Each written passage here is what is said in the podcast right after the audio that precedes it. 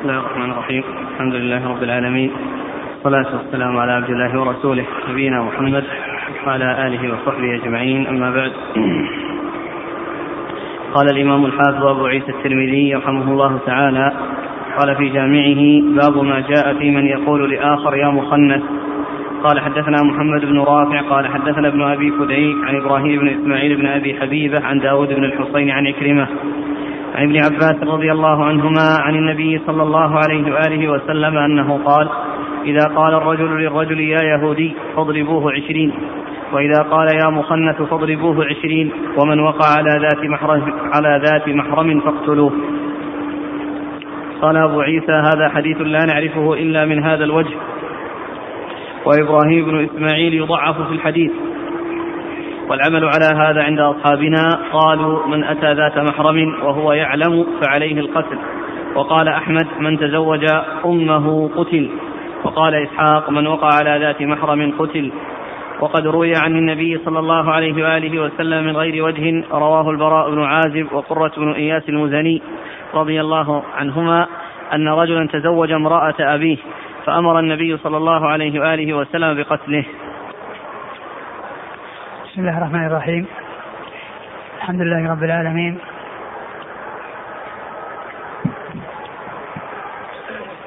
بسم الله الرحمن الرحيم. الحمد لله رب العالمين وصلى الله وسلم وبارك على عبده ورسوله نبينا محمد وعلى آله وأصحابه أجمعين. أما بعد فيقول الإمام أبو عيسى الترمذي رحمه الله في جامع باب في من يقول لآخر يا مخنث اي ما هي عقوبته على هذا القول؟ وهذا القول إذا كان يراد به آه يعني إيذاؤه بشيء غير القذف بأن يعني آه آه يقول لشخص آه فيه من صفات النساء خلقة بأن يعيره ويؤذيه وهو الذي يكون على فيه من صفات النساء من ناحية التكسر ومن ناحية الهيئة والحركة وهذه طبيعة. فإن هذا لا شك أن فيه إذا إذا إذا له. وأما إذا كان يعني معروف أنه يتكلف ذلك وأنه ليس خلقة وجبلة له فإذا قال يعني ذلك له وهو فيه فإنه لا لا شيء عليه. وذاك يستحق أن يعذر لأنه آذاه بشيء ليس آه لا قبل له به.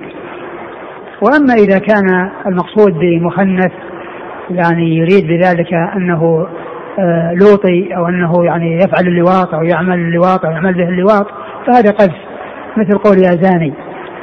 ويعني يستحق حد القذف. وأما إذا كان بالهيئة التي هي من صفات النساء إما جبلة فهذا إيذاء له ويستحق على ذلك التعزير. وإذا كان آه ليس جبلة وإنما هو آه من فعله وحركته وتصرفه فإن هذا لا يستحق أن يعاقب لأن هذا كلام كلام فيه بما هو كلام فيما هو فيه. وفيما هو من أهله من ناحية أنه يعني يأتي بذلك تكلفا وليس خلقة وجبلة. وقد أورد أبو عيسى رحمه الله حديث الصحابي ابن عباس. حديث ابن عباس رضي الله تعالى عنهما أن النبي صلى الله عليه وسلم قال يعني في آخر يا يهودي فيجلد عشرين وإذا قال يا يا مخنث يجلد عشرين نعم. وإذا قال وإذا وقع على ذات محرم فاقتلوه. وإذا وقع على ذات محرم فاقتلوه. الوقوع على ذات محرم يعني إن كان بالزنا فلا شك أن هذا جرم أكبر وأعظم من الزنا بغير ذوات المحارم لأن هذا أشد وأعظم وأشد خبثا. ولا شك أنه إذا كان محصنا فإنه يستحق القتل فإنه يقتل سواء زنى بأي يعني أي زنا. وأما إذا كان غير محصن فإن الزنا في غير ذوات المحارم أمره واضح أنه يجلد ويغرب. وأما إذا كان بذوات المحارم فهذا يعني محل نظر وقد يعني يكون عقوبته بالقتل يعني آه، تعزيرا يعني له وجه. وأما إذا كان آه، آه، إذا كان محصنا فإنه يرجم على كل حال. يعني ولكن كما هو معلوم كونه يفعل ذلك بمحارمه أشد جرما وأعظم جرما. وأما إذا كان على سبيل العقد فإن العقد أو التزوج بذوات المحارم آه، التي آه، التي يعلم يعني أنها ذوات محارم وليس فيه شبهة فهذا من جنس ما جاء في قصة الرجل الذي تزوج امرأة أبيه وهو يعلم والرسول صلى الله عليه وسلم أمر بقتله فإن هؤلاء سواء من عقد على آه، قريبته التي الذي هو يعلم وأما إذا كان فيه خفاء والأمر فيه لبس وما عرف هذا يقال له نكاح شبهة فهذا يقال له نكاح شبهة كأن يعقد على امرأة ثم يتبين أنها أخت من الرضاع أو أن هناك قرابة من الرضاع فإن هذه شبهة. وإذا علم ذلك فإن الزواج العقد ينفسخ لأنه وقع في غير موقعه. نعم. قال حدثنا محمد بن رافع. محمد بن رافع النيسابوري القشيري وهو ثقة أخرجه أصحاب كتب الستة إلا ابن ماجه. عن ابن أبي فديك. عن ابن أبي فديك وهو محمد المسلم. ثقة أخرجه أصحاب كتب الستة. صدوق. صدوق أخرجه أصحاب كتب الستة. عن إبراهيم بن إسماعيل. عن إبراهيم بن إسماعيل وهو ضعيف. أخرج له. أبو داود في التفرد والترمذي وابن ماجه. أبو داود في التفرد والترمذي وابن ماجه. عن داود بن الحصين. عن داود بن الحصين وهو ثقة إلا في إكرمة. ثقة إلا في عكرمة إلا في عكرمة ففيه فيه لين إلا في عكرمة هكذا نعم نعم يعني رواية عن عكرمة فيها يعني فيها شيء نعم وهذا من رواية عن عكرمة. نعم. وأخرج له. أصحاب الكتب. أصحاب الكتب عن عكرمة مولى ابن عباس وهو ثقة أخرجه أصحاب الكتب الستة.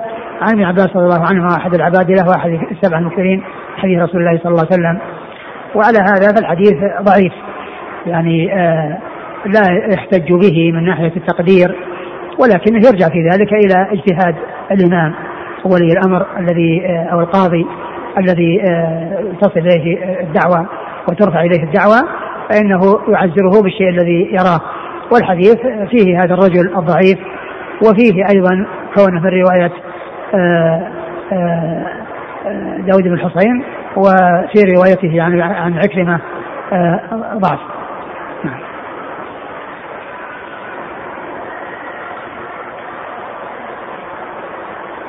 قال قد روي عن النبي صلى الله عليه وسلم من غير وجه رواه البراء بن عازب البراء بن عازب رضي الله عنهما أخرجه أصحاب الكتب الستة. وقرة بن إياس المزني. وقرة بن إياس المزني هو أخرجه البخاري في المفرد أخرجه البخاري في المفرد. في المفرد. أصحاب السنة. نعم. أن رجلا تزوج امرأة أبيه فأمر النبي صلى الله عليه وسلم بقتله. نعم. يقول السلام هذا سبق أن مر في الحديث سبق أن مر في كتاب الأحكام. من تزوج زوجة أبيه هل هو مرتد؟ نعم إذا استحل ذلك لا شك أنه مرتد. قال رحمه الله تعالى باب ما جاء في التعزير. قال حدثنا قتيبة قال حدثنا الليث عن يزيد بن أبي حبيب عن بكير بن عبد الله بن الأشج عن سليمان بن يسار عن عبد الرحمن بن جابر بن عبد الله عن أبي بردة بن النيار رضي الله عنه. قال قال رسول الله صلى الله عليه وآله وسلم لا يجلد فوق عشر جلد جلدات إلا في حد من حدود الله. نعم. قال أبو قال أبو عيسى هذا حديث حسن غريب لا نعرفه إلا من حديث بكير بن الأشج وقد اختلف أهل العلم في التعزير وأحسن شيء روي في التعزير هذا الحديث قال وقد روى هذا الحديث ابن لهيعة عن بكير فأخطأ فيه وقال عن عبد الرحمن بن جابر بن عبد الله عن أبيه عن النبي صلى الله عليه وسلم وهو خطأ والصحيح حديث الليث بن سعد إنما هو عبد الرحمن بن جابر بن عبد الله عن أبي بردة بن نيار عن النبي صلى الله عليه وسلم. ثم ورد أبو عيسى هذه الترجمة باب في التعزير. والتعزير هو آه، العقوبة التي آه، يعني آه، ليس فيها حد من حدود الله عز وجل منصوصا عليه كحد الزنا وحد القذف وحد السرقة وغير ذلك. من الحدود المقدرة. يعني أن الشيء الأشياء التي ليس فيها تقدير هذه يكون فيها التعزير. يكون والشيء الذي فيه تقدير يصار فيه إلى التقدير الذي ورد في الحدود.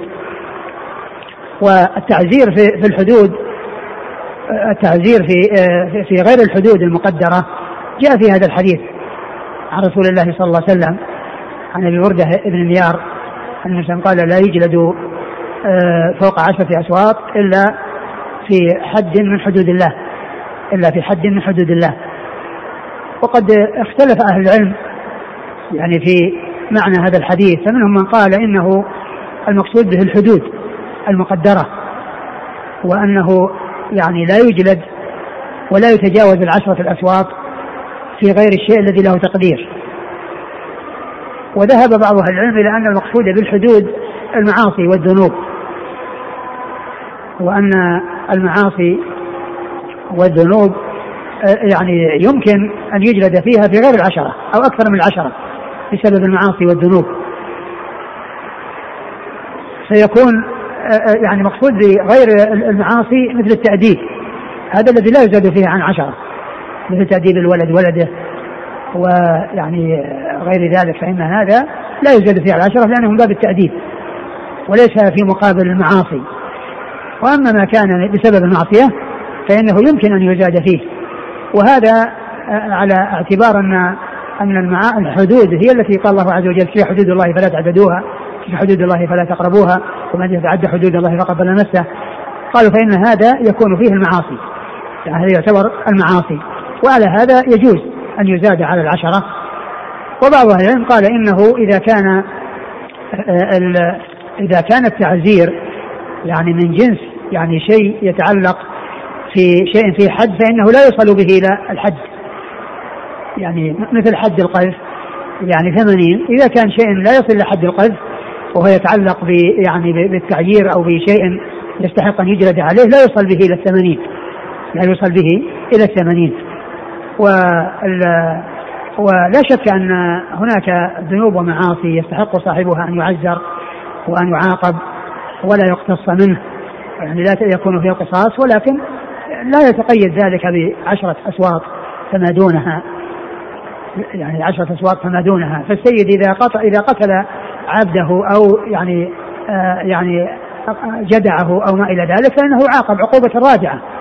وهو تعزير لأنه ليس فيه قصاص يعني بينه وبينه. وإنما يعزر التعزير الذي آه آه يستحقه ويناسبه. فإذا المعاصي بعض أهل العلم اعتبر الحدود هي المعاصي والذنوب وأنه آه، آه، آه، يجلد فيها الشيء الذي يستحقه صاحبها وأن المقصود بأنه لا يزاد في يعني إلا في حد لا يزاد إلا في حد حدود الله يعني فيما يتعلق في التأديب فيما يتعلق بالتأديب الذي ليس معصية مثل تأديب الأطفال وتأديب الأولاد. فإنهم لا يزاد في ذلك على عشرة أصوات نعم. قال حدثنا قتيبة قتيبة بن سعيد ثقة أخرجه أصحاب كتب الستة. عن الليث الليث بن سعد ثقة أخرجه أصحاب كتب الستة. عن يزيد بن أبي حبيب يزيد بن أبي حبيب ثقة أخرجه أصحاب كتب الستة. عن بكير بن عبد الله بكير بن عبد الله بن الأشج ثقة أخرجه أصحاب كتب الستة. عن سليمان بن يسار عن سليمان بن يسار وهو ثقة فقيه أحد فقهاء المدينة السبعة في عصر التابعين أخرج له أصحاب كتب الستة.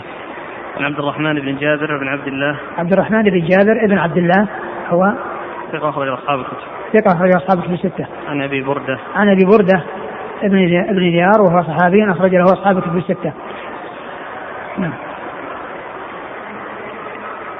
وقد روى هذا الحديث ابن لهيعة عن بكير فأخطأ فيه.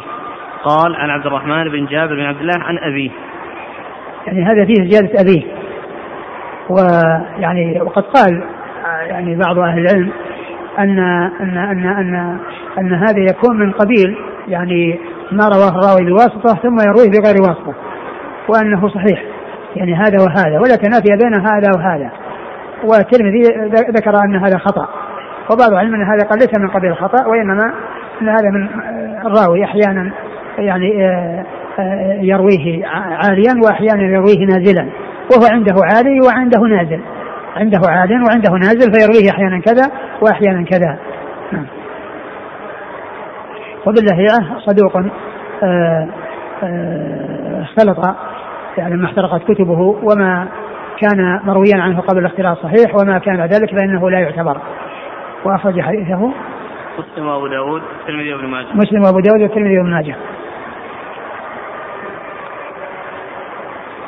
هذان سؤالان في مسألة ضرب المدرس المعلم للطالب. قال هل يجوز للمعلم أن يضرب الطالب فوق عشر ضربات من أجل أنه لم يحفظ أو أنه لم يهتم بدروسه؟ والآخر يقول في بعض المدارس يضرب الطالب أكثر من عشر ضربات. التأديب ينبغي أن يكون بغير الضرب ولا يصار إلى الضرب إلا عند الضرورة وإلا فإن التأديب بالكلام المفيد وبالكلام النافع والذي فيه يعني تشجيع وترغيب وترهيب أولى من الضرب. وإذا صار إلى الضرب فإنه لا يزيد على عشرة أسواق. قال رحمه الله تعالى كتاب الصيد عن رسول الله صلى الله عليه وآله وسلم. قال باب ما جاء ما يؤكل من صيد الكلب وما لا يؤكل. قال حدثنا أحمد بن منيع قال حدثنا يزيد بن هارون قال حدثنا الحجاج عن مكحول عن أبي ثعلبة رضي الله عنه. والحجاج عن الوليد بن أبي مالك عن عائذ, عن عائذ الله بن عبد الله أنه سمع أبا ثعلبة الخشني رضي الله عنه أنه قال قلت يا رسول الله إنا أهل صيد. قال إذا أرسلت كلبك وذكرت اسم الله عليه فأمسك عليك فكل. قلت وإن قتل؟ قال وإن قتل. قلت إنا أهل رمي. قال ما ردت عليك قوسك فكل. قال قلت إنا أهل سفر. نمر باليهود والنصارى والمجوس. فلا نجد غير آنيتهم. قال فإن لم تجدوا غيرها فاغسلوها بالماء ثم كلوا فيها واشربوا. قال وفي الباب عن علي بن حاتم رضي الله عنه قال أبو عيسى هذا حديث حسن صحيح. وعائذ الله بن عبد الله هو أبو إدريس الخولاني. واسم أبي ثعلبة الخشني جرثوم. ويقال جرثم ابن ناشب. ويقال ابن قيس. ثم أورد أبو عيسى هنا كتاب الصيد عن رسول الله صلى الله عليه وسلم. والصيد هو يعني صيد ما يؤكل لحمه. يعني من من الصيد الذي يؤكل لحمه هو الذي يصاد. والذي لا يؤكل لحمه لا يجوز التعرض له إلا إذا أذى. فإن الذي يؤذي يقتل لأذاه والتخلص منه. وأما إذا كان لا يؤذي فإنه يترك ولا يقتل. وأما الصيد فإنه يصاد آه، إذا كان في غير الحرم ومن ومن غير المحرم. لأنه إذا كان في الحرم حرم مكة والمدينة فإنه لا يجوز صيده لا من محل ولا من محرم ما دام أنه في الحرم. فاصطياده وإزعاجه وتنفيره حرام لا يجوز. كما جاءت في ذلك الأحاديث عن رسول الله صلى الله عليه وسلم. وأما إذا كان في غير الحرم غير الحرمين فإنه يصاد لغير المحرم. يصيده غير المحرم. أما كان محرما فإنه لا يصيد لا في الحل ولا في الحرم المحرم لا يصيد. وغير المحرم يصيد في الحل ولا يصيد في الحرم المحرم لا يصيد مطلقا لا في حل ولا في حرم والمحل يصيد في الحل ولا يصيد في الحرم وهذا إنما هو بالنسبة لصيد البر. وأما صيد البحر فإنه بخلاف ذلك فإنه حلال كما جاء ذلك في القرآن. وقد أورد أبو عيسى هذه الترجمة في ما فيما يحل. ما يؤكل من صيد الكلب وما لا يؤكل. ما يؤكل من صيد الكلب وما لا يؤكل. المقصود به الكلب المعلم. المعلم على الصيد. وقد أورد أبو عيسى في حديث أبو ثعلبة الخشني جرثوم بن ناشر أو ناشب والذي ذكره النووي في الأربعين وهو الحديث الثلاثون. حديث ان الله فرض فرائض فلا تضيعوها وحد حدودها فلا تعتدوا قال عن أبي ثعلبه الخشني يرثون بالناشر فاختلف في في في اسمه وفي اسم أبيه. وهو صحابي مختلف في اسمه واسم أبيه. أنه قال إن كنا أهل صيد يعني معناه يعني يريد أن يتعلم أو يفقه أو يعرف شيئا عن أحكام الصيد.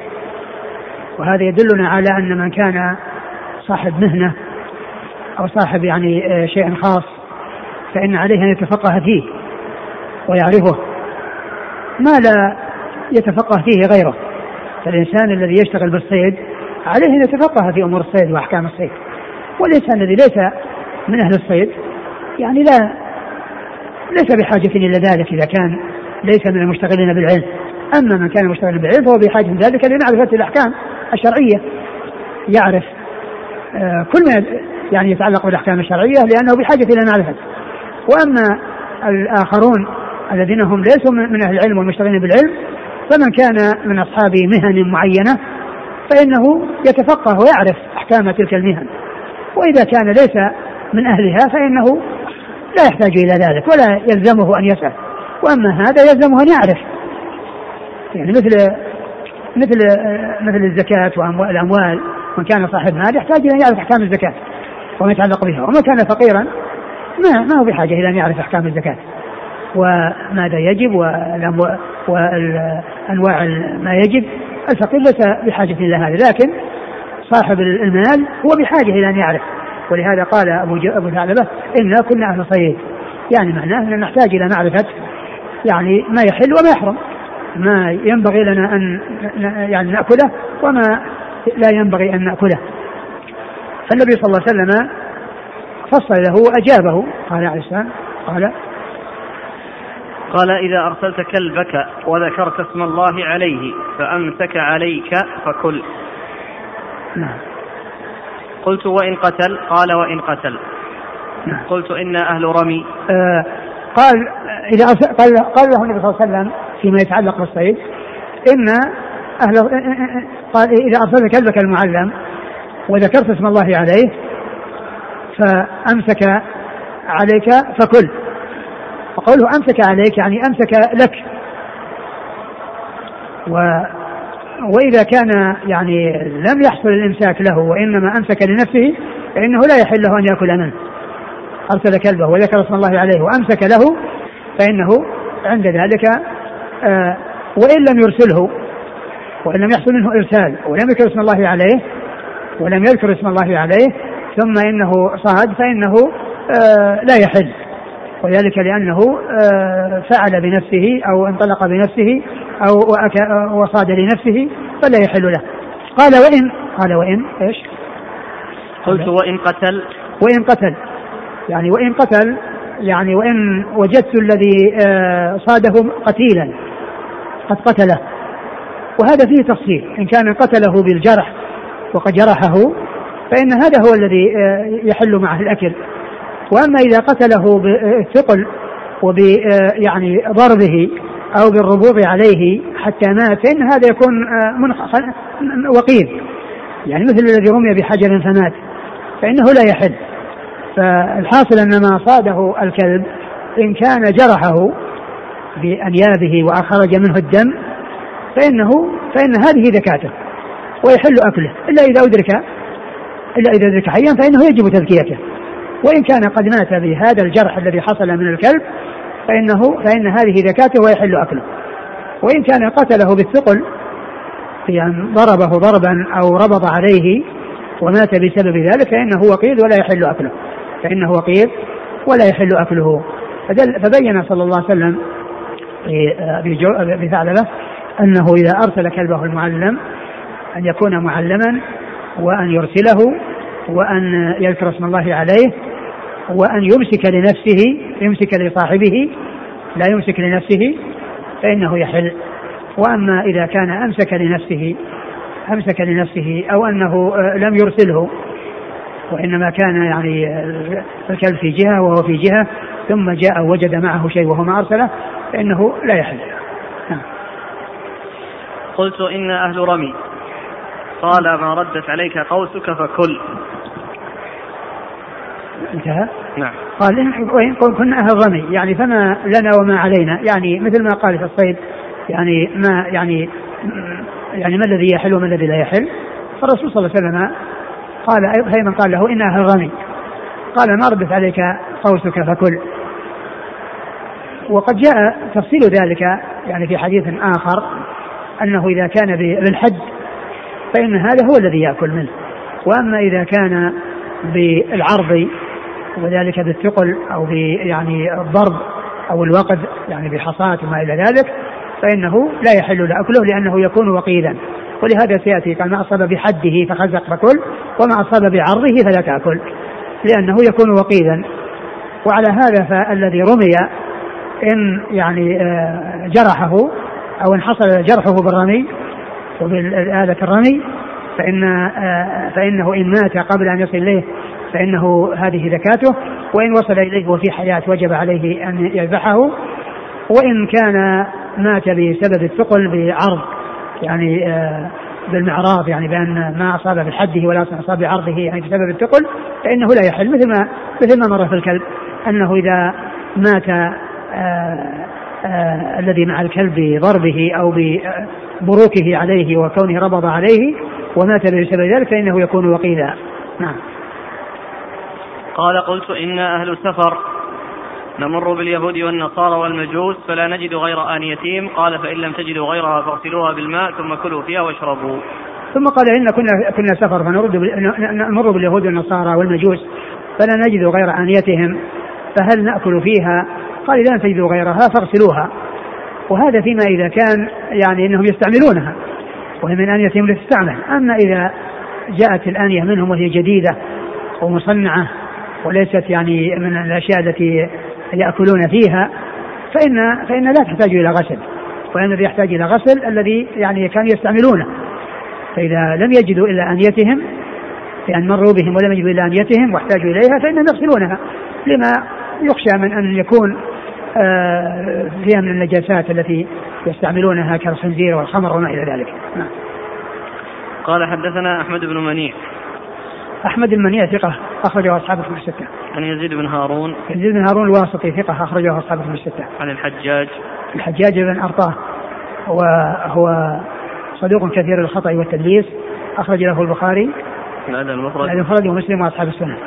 عن أبي ثعلبة. عن أبي ثعلبة. عن مكحول عن, عن مكحول وهو الشامي وهو ثقة أخرجه البخاري في جزء القراءة ومسلم وأصحاب السنة. عن أبي ثعلبة الخشني أخرج أخرجه أصحاب الكتب الستة. والحجاج عن الوليد بن أبي مالك. والحجاج عن الوليد بن أبي مالك، الوليد بن أبي مالك هو ثقة أخرجه الترمذي والنسائي. ثقة أخرجه الترمذي والنسائي. عن عائذ الله بن عبد الله. عائذ الله هو أبو شريح الخزاعي وهو ثقة أخرجه أصحاب الكتب الستة. عائذ الله نعم بن عبد الله. عن كنيته أبو شريح أبو إدريس. أبو إدريس أبو إدريس نعم. أبو إدريس الخولاني نعم. عن أبي ثعلبة قال حدثنا محمود بن غيلان قال حدثنا قبيصة عن سفيان عن منصور عن إبراهيم عن همام بن الحارث عن عدي بن حاتم رضي الله عنه أنه قال قلت يا رسول الله إنا نرسل كلابا لنا معلمة. قال كل ما أمسكنا عليك. قلت يا رسول الله وإن قتلنا؟ قال وإن قتلنا ما لم يشركها كلب غيرها. قال قلت يا رسول الله إنا نرمي بالمعراض. قال ما خزق فكل وما أصاب بعرضه فلا تأكل. قال حدثنا محمد بن يحيى قال حدثنا محمد بن يوسف قال حدثنا سفيان عن منصور نحوه إلا أنه قال وسئل عن المعراض. قال أبو عيسى هذا حديث حسن صحيح. ثم أبو عيسى حديث عدي بن حاتم رضي الله عنه. أن أنه سأل النبي صلى الله عليه وسلم وقال أن كنا نرسل الكلاب. قال كل مما أمسكنا عليك إلا إذا شركها كلاب أخرى. فإنه لا لا يأكل لأنه يمكن أن يكون ذلك من الكلاب التي شاركت كلبه ولم يكن أرسلها وذكر اسم الله عليها. فكون معه غيره شاركه يعني لا تحل له بذلك. لأنه يمكن أن يكون الصيد من تلك الكلاب وليس من كلبه. فهذا أيضا يعني مما يعني آه، يزاد فيه يعني يعني فيما يتعلق بكون الصيد الذي صاده الكلب حلالا يعني أن يكون منفردا. يعني معناه أن يكون الكلب هو أن يكون منفردا ليس معه. كلاب أخرى. فأما إن كان معه كلاب أخرى فإنه لا يحل لإحتمال أن يكون ليس من كلبه وان من الكلاب الأخرى. ثم سأله عن المعراض وقال ما أصاب ما أصاب بحده. والمعراب هو يعني فسر عدة تفسيرات منها أنه آه، خشبة يعني محددة الرأس. فإذا أصاب بالحد وخزق فإنه آه، يحل لأن حصل جرحه وخروج دمه بتلك بذلك الخزق وإن كان بعرضه وإنما بسبب الثقل فإنه يكون وقيلا ولا يحل. قال حدثنا محمود بن غيلان. محمود بن غيلان ثقة أخرجه أصحاب الكتب الستة إلا أبا داود. عن قبيصة. عن قبيصة بن عقبة وهو صدوق ربما خالف. صدوق ربما خالف أخرج له أصحاب أصحاب الكتب الستة. عن سفيان. عن سفيان الثوري ثقة أخرجه أصحاب الكتب الستة. عن منصور. عن منصور بن معتمر ثقة أخرجه أصحاب الكتب الستة. عن إبراهيم. عن إبراهيم النخعي ثقة أخرجه أصحاب الكتب الستة. عن همام بن الحارث. عن همام همام بن الحارث هو ثقة أخرج أصحاب الكتب. ثقة أخرجه أصحاب الكتب الستة. عن علي بن حاتم. عن عدي بن حاتم رضي الله عنه أخرجه أصحاب الكتب الستة. قال حدثنا محمد بن يحيى. محمد بن يحيى الذهلي ثقة أخرجه أصحاب الكتب الستة. إلا مسلم. نعم أخرجه البخاري وأصحاب السنة. عن محمد بن يوسف. محمد بن يوسف الفريابي ثقة أخرجه أصحاب الكتب الستة. عن سفيان عن منصور نحوه. نعم. يقول السائل الملح ما حكم الصيد إذا آه، تركت التسمية نسيانا؟ يحل مثل ما إذا تركت التسمية عند الذبيحة فإنها تحل وبعض العلماء آه، يعني منع من ذلك لكن الذي يظهر أنها تحل إذا نسي يقول كيف أعرف أن الكلب أمسك الصيد لي إذا كان أكل منه فهذه علامة أنه آه، أمسكه لنفسه وليس لك. وإذا كان تركه ولم يتعرض له بسوء بشيء وإنما قتله وبقي حتى جئت فإنه أمسكه أمسكه لك.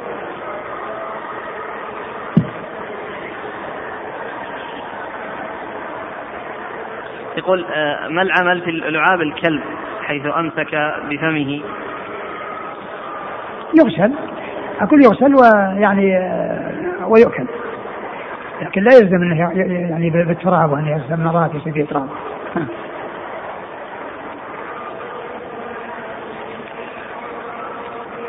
يقول إذا رمى الصيد بشيء من الأدوات الحديثة للصيد مما يوضع فيه الرصاص وتكون هذه الرصاصة غير مدببة ولكنها تخرق الصيد. نعم. الآخر يقول الصيد بالنشاب وهو الرمي بالحصى. ال ال هذا الأشياء المدورة المستديرة الصغيرة التي ليس فيها حد.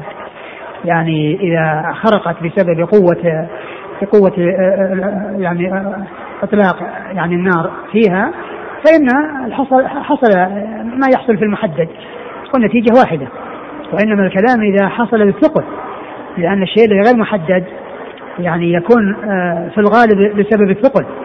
وأما مثل هذه ال ال ال يعني الوسائل الحديثة التي يكون فيها يعني يرش فيها يعني مجموعة كبيرة من هذه الأشياء المدورة وتخرق وتخرج من جهة الثانية هذا لا شك أن المقصود هو هذا يعني كونه خرق وحصل يعني خروج الدم منه حصل المقصود نعم. إذا أرسل الرجلان كلبيهما وأمسك الكلاب. فاشترك الآن في المصيد. أرسل كلبيهما وإيش؟ إيه. وصاد. صاد. إيه فاشترك وانفرد في الصيد في يعني اجتمع الكلبين على يعني على على صيد واحد, على صيد واحد. أي. هذا يشتركان فيه. لأنهم كل منهم سمى. لأن كل منهم سمى وذكر اسم الله وأرسل.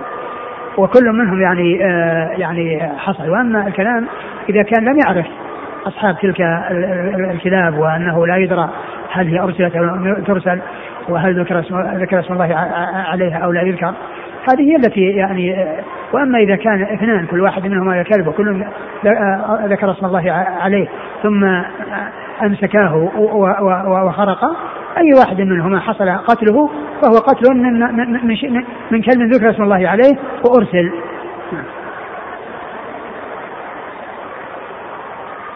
قال رحمه الله تعالى باب ما جاء في صيد كلب المجوس.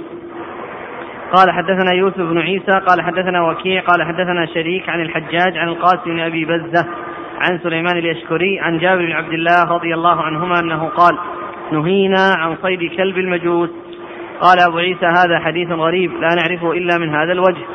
والعمل على هذا عند أكثر أهل العلم لا يرخصون في صيد كلب المجوس. والقاسم بن أبي بزة هو القاسم بن نافع المكي. ثم ورد أبو عيسى هذه الترجمة باب في صيد كلب المجوس. في صيد كلب المجوس. آآ آه، آآ آه، كلب المجوس إذا صاد صيدا بأن أرسله أهله المجوس وصاد فإنه لا يحل أكله. لأنهم لو ذبحوا فإن ذبيحتهم لا يحل أكلها. لو ذبحوها بأيديهم. فإنه لا يحل أكلها فكذلك يعني آه، ما صاده كلبهم. ما دام أن أكل ذبائحهم حرام وما ذبحوه بأيديهم لا يحل أكله فكلابهم التي يرسلونها إذا صادت فإنه لا يحل أكلها إذا أرسلوها فإنه لا يحل أكلها لأنهم آه، آه، قتلهم لا يحصل به الزكاة الشرعية. لا يكون مذكا زكاة شرعية بل هو يعتبر ميتة ويعتبر حرام بالنسبة للمسلمين. لا يجوز لهم أن يأكلوه. وإنما الذي يجوز أكله هو يعني آه، طعام أهل الكتاب اليهود والنصارى هم الذي يجوز. فإذا يعني حصل منهم إرسال الكلاب وذكروا اسم الله ويعني صاد فإنه يجوز. لأن ذبحهم آه، حلال لنا فما يعني حصل عن طريق آه، صيدهم فإنه يكون حلال. وأما المجوس ذبحهم لا يعني يحل ما ذبحوه لا يحل لنا ما ذبحوه. فكذلك لا يحل لنا ما صادته كلابهم إذا أرسلوها. نعم. قال حدثنا يوسف بن عيسى. يوسف بن عيسى هو ثقة أخرج البخاري ومسلم والترمذي والنسائي. ثقة أخرج البخاري ومسلم والترمذي والنسائي. عن وكيع. عن وكيع بن الجراح ثقة أخرجه أصحاب الكتب الستة. عن شريك. عن شريك بن عبد الله النخعي الكوفي القاضي وهو صدوق آه، اختلط لما ويقظ ويخطئ كثيرا وأخرجه البخاري تعليقا ومسلم وأصحاب السنن. عن الحجاج عن القاسم بن أبي بزة. القاسم الحجاج مر ذكره القاسم بن أبي بزة ثقة أخرج له أصحاب الكتب أصحاب الكتب الستة. عن سليمان اليشكري. عن سليمان اليشكري وهو ثقة أخرج الترمذي وابن ماجه. وهو ثقة أخرج الترمذي وابن ماجه. عن جابر بن عن جابر بن عبد الله رضي الله عنهما وهو أحد المكثرين من حديث رسول الله صلى الله عليه وسلم والحديث غير صحيح من حيث الإسناد لأن فيه آه، الحجاج وفيه شريك. و لكن يعني آه، من حيث معناه آه، حكم صيدهم حكم حكم صيدهم حكم ذبائحهم. فكما أنهم لو ذبحوا بأيديهم فذبيحتهم لا تحل لنا لأنها ما حصلت الزكاة الشرعية ولا يعتبر مذكر زكاة شرعية فكذلك ما حصل عن طريق كلابهم هو لا يجوز لنا. نعم. أما كلاب أهل الكتاب؟ كلاب أهل الكتاب كلاب أهل الكتاب إذا إذا إذا صادت وأرسلوها كما نرسلها فإنها تحل فإنه يحل لنا.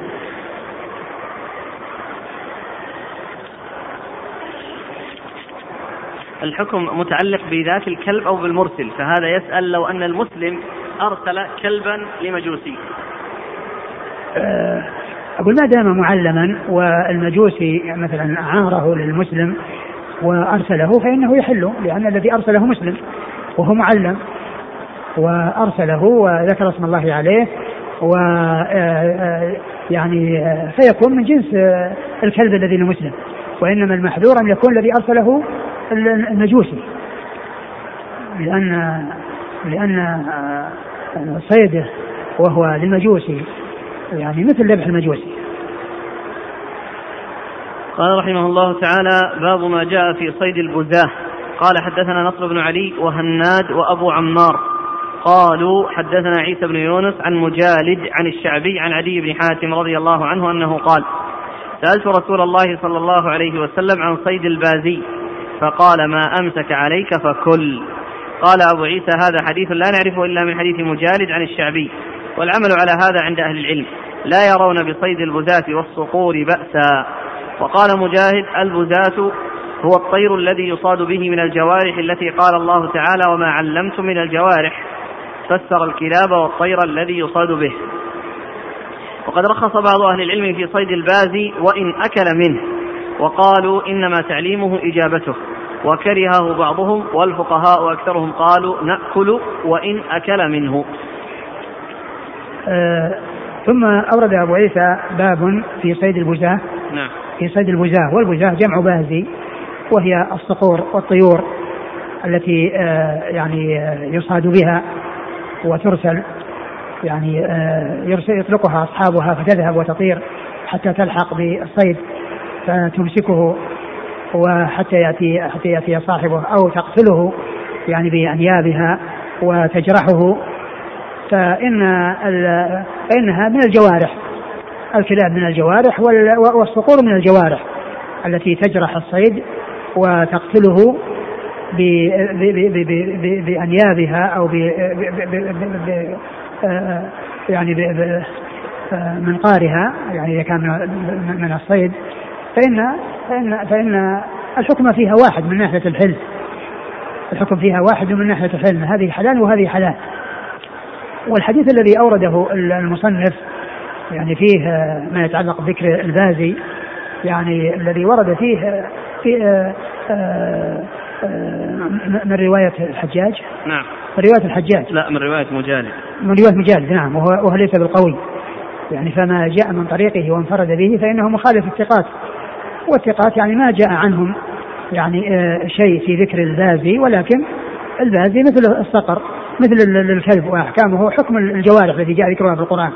لأنه ذكر الجوارح فالحكم مأخوذ من القرآن ومأخوذ أيضا بالقياس قياس الصقور على الكلاب والقرآن جاء في ذكر الجوارح مكلبين يعني سواء كانت كلاب أو غير كلاب لأن تشترك لأنها جوارح يعني الكلاب والصقور تشترك لأنها جوارح.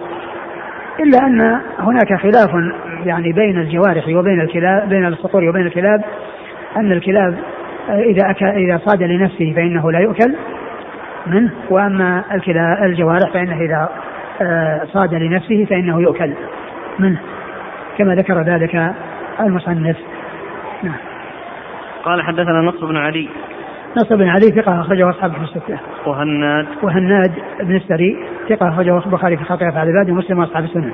وأبو عمار. وأبو عمار الحسين بن حريث وهو ثقة أخرجه أصحابه في الستة إلا ابن ماجه. عن عيسى بن يونس عيسى بن يونس ثقة أخرجه أصحاب كتب الستة. عن مجالد مجالد وهو وهو ليس بالقوي أخرج له مسلم وأصحاب السنن مسلم وأصحاب السنن. عن الشعبي عن الشعبي عامر بن شراحيل الشعبي ثقة أخرجه أصحاب كتب الستة. عن عدي عن عدي بن حاتم عدي بن حاتم رضي الله عنه أخرج له أصحاب كتب الستة.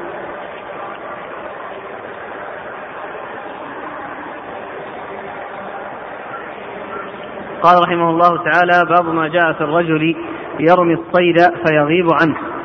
قال حدثنا محمود بن غيلان قال حدثنا أبو داود قال أخبرنا شعبة عن أبي بشر. قال سمعت سعيد بن جبير يحدث عن عدي بن حاتم رضي الله عنه أنه قال قلت يا رسول الله أرمي الصيد فأجد فيه من الغد سهمي. قال إذا علمت أن سهمك قتله ولم تر فيه أثر سبع فكل. قال أبو عيسى هذا حديث حسن صحيح والعمل على هذا عند أهل العلم. وروى شعبة هذا الحديث عن أبي بشر وعبد الملك بن ميسرة عن سعيد بن جبير عن عدي بن حاتم وعن أبي ثعلبة الخشني رضي الله عنهما مثله. وكلا الحديثين صحيح وفي الباب عن أبي ثعلبة الخشني.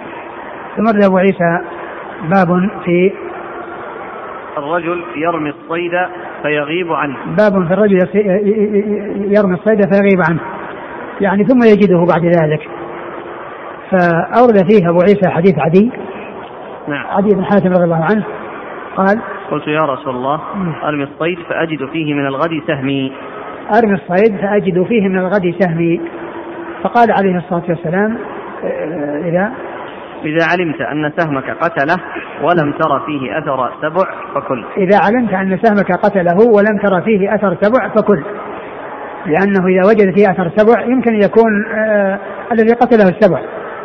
الذي قتله السبع وليس سهمك وإن كان وجدت الأثر فالرسول صلى الله عليه وسلم أرشده إلى أن له أن يأكل. وأما إذا وجد فيه أثر السبع فإنه لا يأكل لأنه قد يكون موته بسبب ذلك السبع. نعم. قال حدثنا محمود بن غيلان عن أبي داود. أبو داود سليمان بن داود الطيالسي ثقة أخرجه البخاري تعليقا ومسلم وأصحاب السنة. عن شعبة. شعبة بالحجاج الواسطي ثم البصري ثقة أخرجه أصحاب الستة. عن أبي بشر. أبي بشر هو هو إياس جعفر بن إياس بن أبي وحشية ثقة أخرجه أصحاب الستة. عن سعيد بن جبير. سعيد بن جبير ثقة أخرجه أصحاب أصحاب الكتب الستة. عن عدي بن حاتم نعم. قال وروى شعبة هذا الحديث عن أبي بشر وعبد الملك بن ميسرة. عبد الملك بن ميسرة هو؟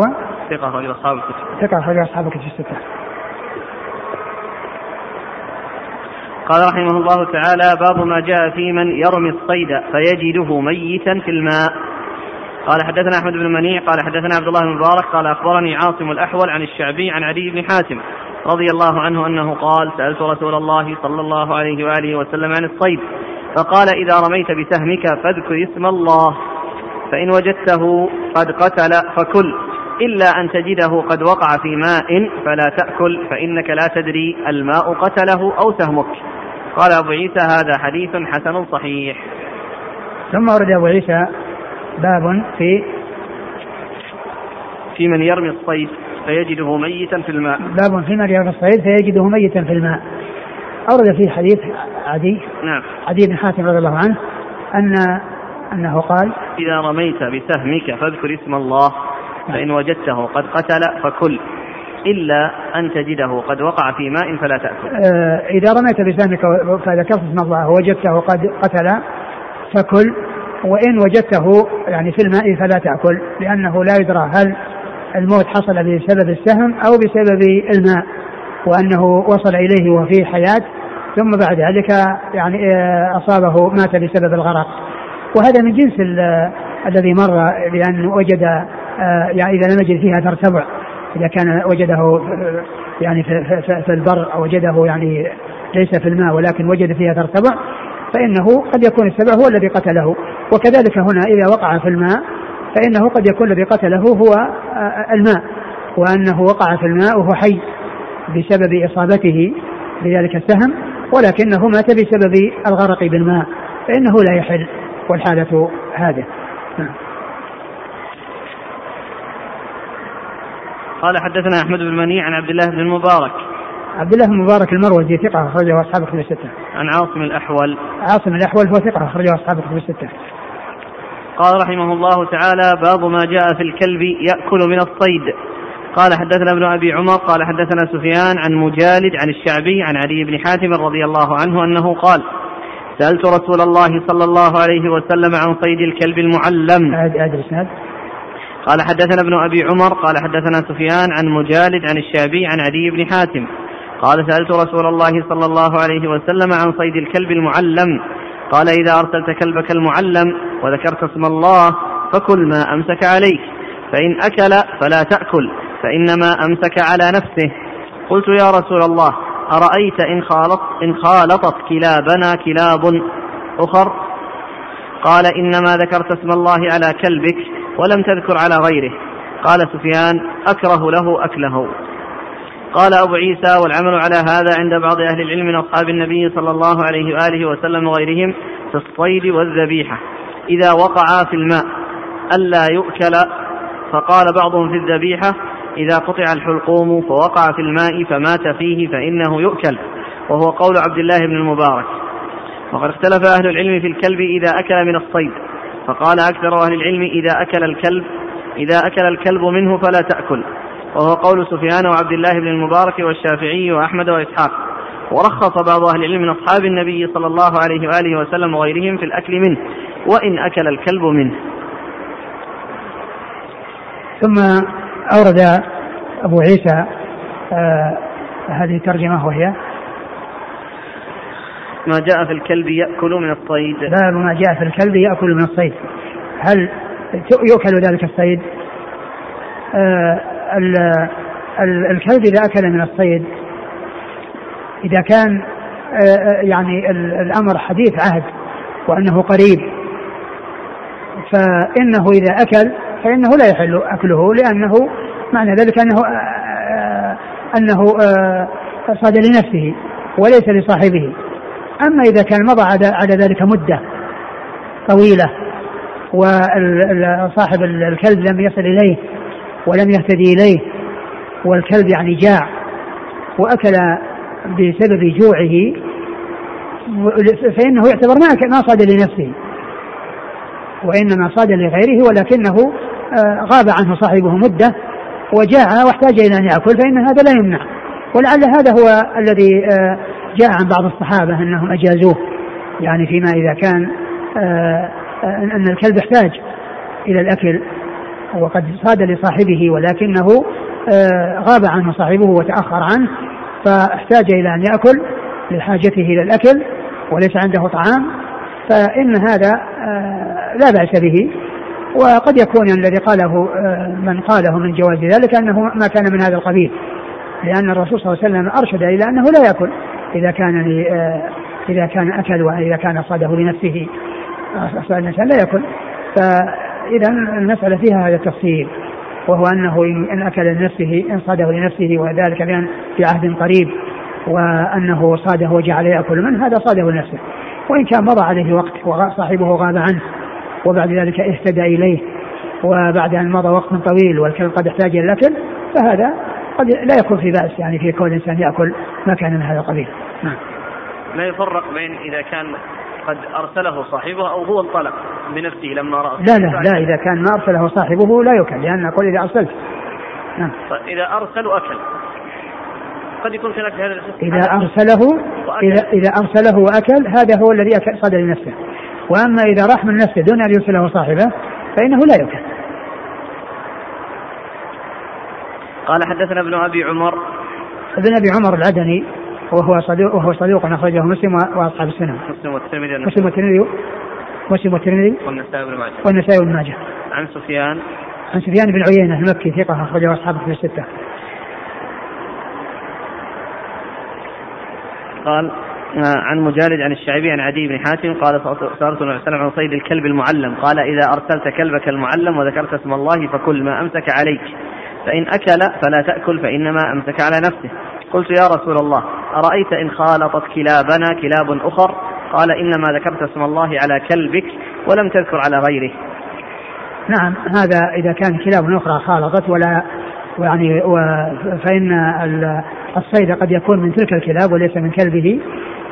آه، فلا يحل أكلها لأن احتمال احتمال أن الصيد ما حصل من كلبه وإنما حصل من, الكلاب الأخرى. لكن إذا كان آه، في مثل المسألة السابقة التي مرت يعني هما كلبان وكل واحد آه، أرسل شخصان كل واحد أرسل كلبه ثم إنه وجد يعني بينهما وقد يعني قد قتل بالخزق والجرح فإنه يعني يكون لهما ويشتركان فيه قال سفيان أكره له أكله.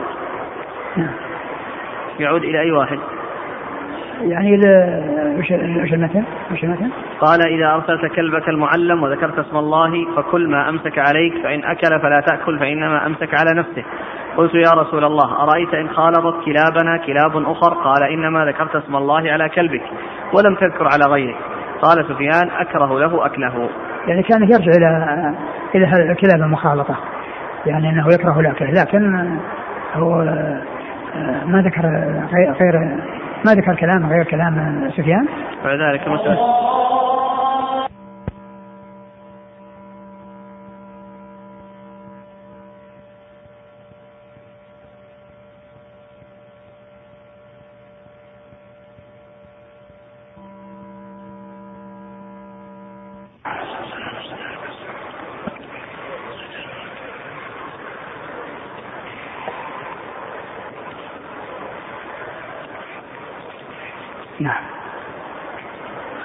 قال أبو عيسى والعمل على هذا عند بعض أهل العلم من أصحاب النبي صلى الله عليه وسلم وغيرهم في الصيد والذبيحة.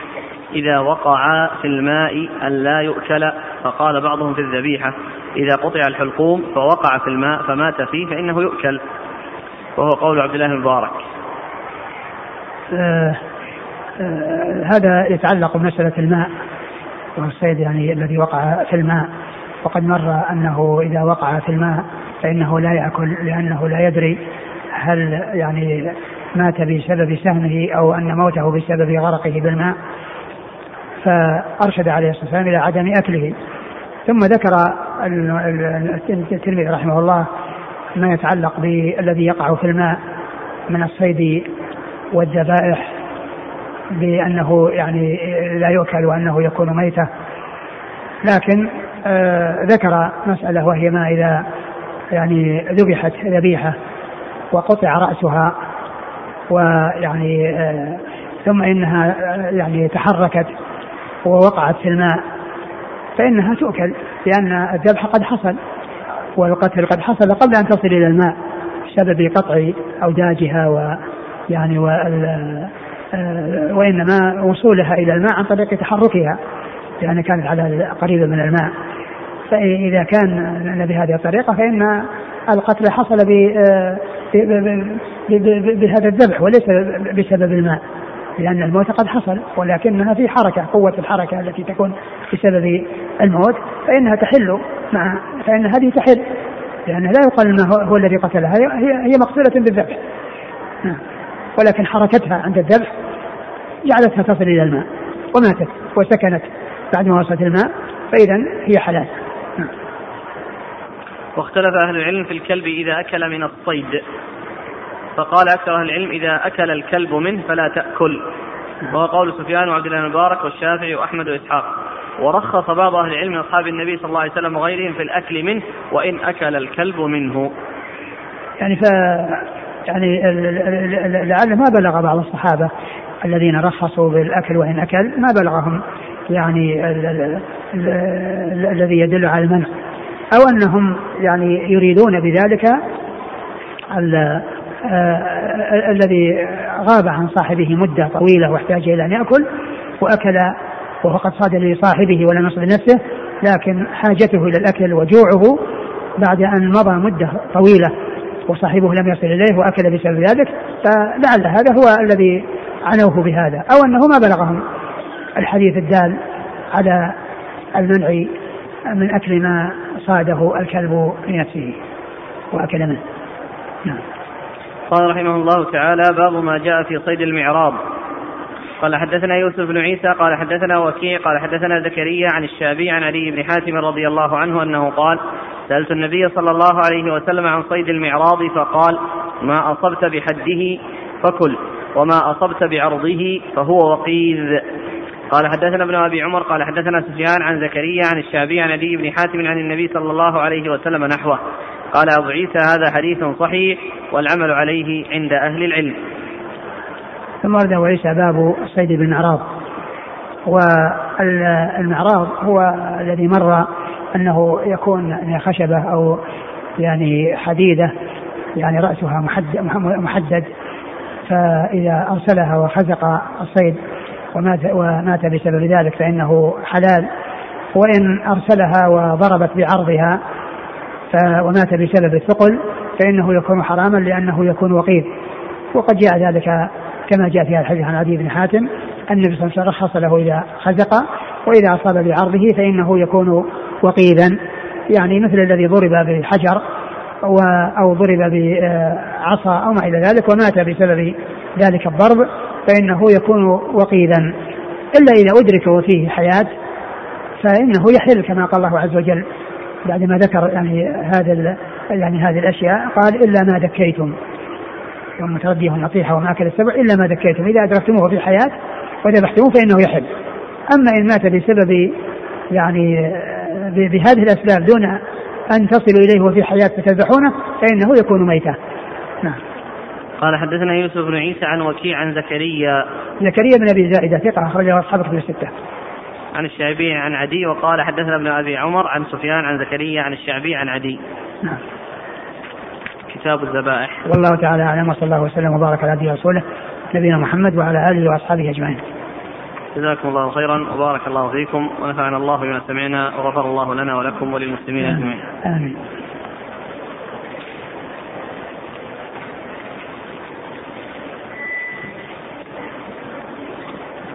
يقول فيما مر معنا من آه، وقع على ذات محرم. يقول هل مجرد العقد على ذات المحرم بدون الدخول بها يوجب حد القتل؟ نعم إذا كان مستحلا يوجب لأن لأن لأن النكاح هو يعني آه، كما يطلق على الوطي يطلق على العقد.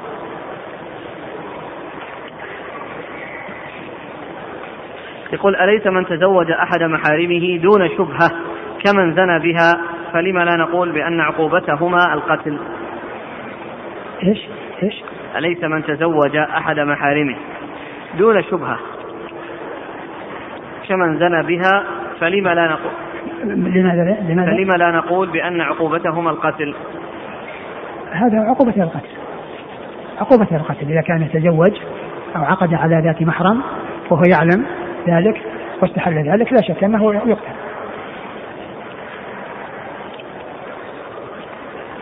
آه، فيما طلبتم في مسألة العائن. نعم. آه، هذا النقل من الإنصاف المرداوي نقل قال ابن نصر في حواشي الفروع. قال لم يذكر لم يذكر أصحابنا المعيان القاتل بعينه وينبغي أن يلحق بالساحر الذي يقتل بسحره غالبا. فإذا كانت عينه يستطيع القتل بها ويفعله باختياره وجب به القصاص. وإن وقع ذلك منه بغير قصد الجناية فيتوجه أنه خطأ. يجب عليه ما يجب في قتل الخطأ. وكذلك ما أتلفه المعيان بعينه. وكذلك؟ ما أتلفه نعم. المعيان بعينه. نعم. ويتوجه فيه القول بضمانه إلا أن يقع بغير قصده. فيتوجه عدم الضمان. انتهى. قلت أي المرداوي وهذا الذي قاله حسن. لكن ظاهر كلامه في الرعاية الكبرى والترغيب عدم الضمان. يعني في المسألة الثانية هذه. الحافظ بن حجر رحمه الله ذكر كذلك الأخ جزاه الله خير أتانا بالفتح. في كتاب الطب باب العين حق. قال الحافظ رحمه الله وإن الإصابة بالعين قد تقتل. وقد اختلف اختلف في جريان القصاص بذلك. فقال القرطبي لو أتلف العائن شيئا ضمنه ولو قتل فعليه القصاص أو الدية إذا تكرر ذلك منه بحيث يصير عادة. وهو في ذلك كالساحر عند من لا يقتله كفرا. انتهى. ولم يتعرض الشافعية للقصاص في ذلك بل منعوه وقالوا إنه لا يقتل غالبا ولا يعد مهلكا. وقال النووي في الروضة ولا دية فيه ولا كفارة لأن الحكم إنما يترتب على منضبط عام دون ما يختص ببعض الناس في بعض الأحوال مما لا انضباط له وكيف ولم يقع منه فعل أصلا. وإنما غايته حسد وتمن لزوال نعمة. وأيضا فالذي ينشأ عن الإصابة بالعين حصول مكروه لذلك الشخص ولا يتعين ذلك المكروه في زوال الحياة. فقد يحصل له مكروه بغير ذلك من أثر العين. انتهى. فقد فقد؟ فقد يحصل له مكروه بغير ذلك من أثر العين. يعني أنها يحصل مثلا موت فجأة ولا أو سكتة قلبية أو ما إلى ذلك. احتمال يعني؟ نعم. انتهى. قال ولا يعكر على ذلك إلا الحكم بقتل الساحر فإنه في معناه والفرق بينهما فيه عسر. ونقل ابن بطال عن بعض أهل العلم فإنه هذا كله فتح الباري؟ ها؟ هذا كله فتح الباري؟ نعم. نعم. ونقل ابن البطال عن بعض أهل العلم فإنه ينبغي للإمام منع العائن إذا عرف بذا إذا عرف بذلك آه، من مداخلة الناس وأن يلزم بيته فإن كان فقيرا رزقه ما يقوم به فإن ضرره أشد من ضرر المجذوم الذي أمر عمر رضي الله عنه بمنعه من مخالطة الناس كما تقدم واضحا في بابه. وأشد من ضرر السوم الذي منع الشارع آكله من حضور الجماعة. قال النووي وهذا القول صحيح متعين لا يعرف عن غيره تصريح بخلافه. قضية أن يكون يسجن أو يعني يبقى في بيته يعني هذا يعني مثل ما قال في غاية الوضوح. أما مسألة كونه يعني يقتل أو لا يقتل هذه أمور يعني عويصة وخفية ودقيقة. والله تعالى أعلم. جزاكم الله خيرا. سبحانك اللهم وبحمدك نشهد أن لا إله إلا أنت.